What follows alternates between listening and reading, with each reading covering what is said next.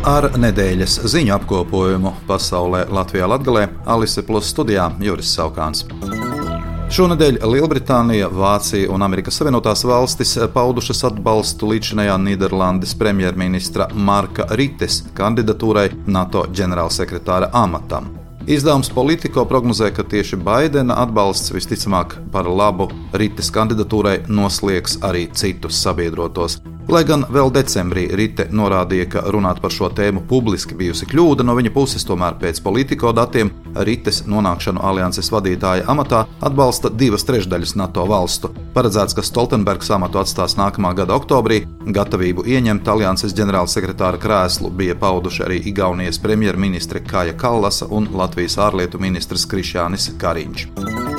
Krievu pētnieciskās žurnālistikas tīmekļa izdevums projekts publicējis pētījumu, analizējot krimināla lietas un administratīvās lietas Krievijas Federācijas tiesās Putina 4. prezidentūras termiņa laikā no 2018. līdz 2023. gadam, un konstatējis, ka Putina režīms represiju ziņā pārspējis visus PSRS līderus, izņemot Josifu Staļinu. Projekts raksta, ka sešu gadu laikā Krievijā tiešām politiskām represijām pakļauti vairāk nekā 116 tūkstoši cilvēku no kuriem 11,442 par saviem izteikumiem vai piedalīšanos mītiņos saukti pie krimināla atbildības, bet aptuveni 105,000 pie administratīvās atbildības.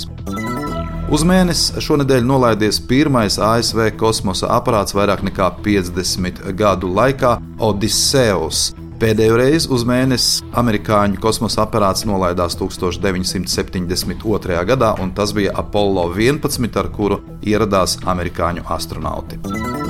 Neraugoties uz daudziem brīdinājumiem par to, ka nepieņemot bezdeficīta budžetu Reizeknas dome nesaņems 5 miljonu eiro finanšu stabilizācijas aizdevumu, par ko bija brīdinājuši finanšu ministrijas pārstāvji, kā arī draudiem, ka valsts kase apturēs Reizeknas pašvaldības ņemto kredītu izmaksas pašvaldībai, tomēr pašā atbildīgākajā brīdī Reizeknas domē budžeta projekta iekļaušanai dienas kārtībā nepietika deputātu balsu. Rezultātā tagad Finanšu ministrija aicina varam izvērtēt Reizeknas domas rīcības spēju, bet valsts prezidents pieļauj Reizeknas pilsētas domas atlaišanu, nerīkojot jaunas vēlēšanas. Starp svarīgākajām ziņām šonadēļ Daugopilī noteikti jāmin fakts, ka aizvadītajā plānošanas periodā no 2014. līdz 2020. gadam Daugopils īstenojusi ap 70 Eiropas Savienības fondu projektiem. Lielākais no tiem - Sijā Daugopils satiksme kohēzijas fonda līdzfinansētais projekts Videi draudzīga un integrēta mobilitāte Daugopils pilsētā par kopējo summu 28 miljoni eiro. No Latgales reģionā administrētajiem 184 projektiem par par 424 miljoniem eiro, Daugopils valsts pilsētā īstenoti 70, ar kopējo summu vairāk nekā 230 miljoni. Šonadēļ Sijā Daugopils satiksme valdes locekli Sergeju Blagovešķenski amatā uz laiku nomainīja kādreizējais uzņēmuma padomes priekšstādātājs Artis Druvinieks, bet uz pastāvīga Daugopils satiksmes valdes locekļa amata vietu tuvākajā laikā tiks izsludināts konkurss.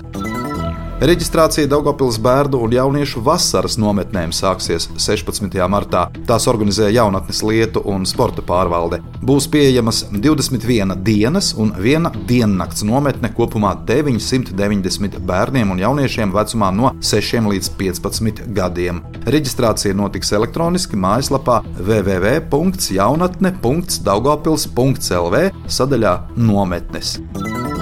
Latvijas vēstniecībā Gors pēc nedēļas, sestdien, 2. martā, notiks Latviešu kultūras gada balvu Boņuks 2023 pasniegšana, un organizētāji jau informējuši, ka par mūža ieguldījumu latviešu kultūras attīstībā balvu saņems kultūras darbinieks, aktīvs Krāslavas Romas katoļu draugs un Krāslavas poļu biedrības dzīves organizators Jāzeps Dobkevičs. Studijā bija Juris Saukāns. Par nedēļas ziņu pasaulē Latvijā Latgalē, satura atbildesijā Alise Plus, projektu finansē Mediju atbalsta fonds no Latvijas valsts budžeta līdzekļiem.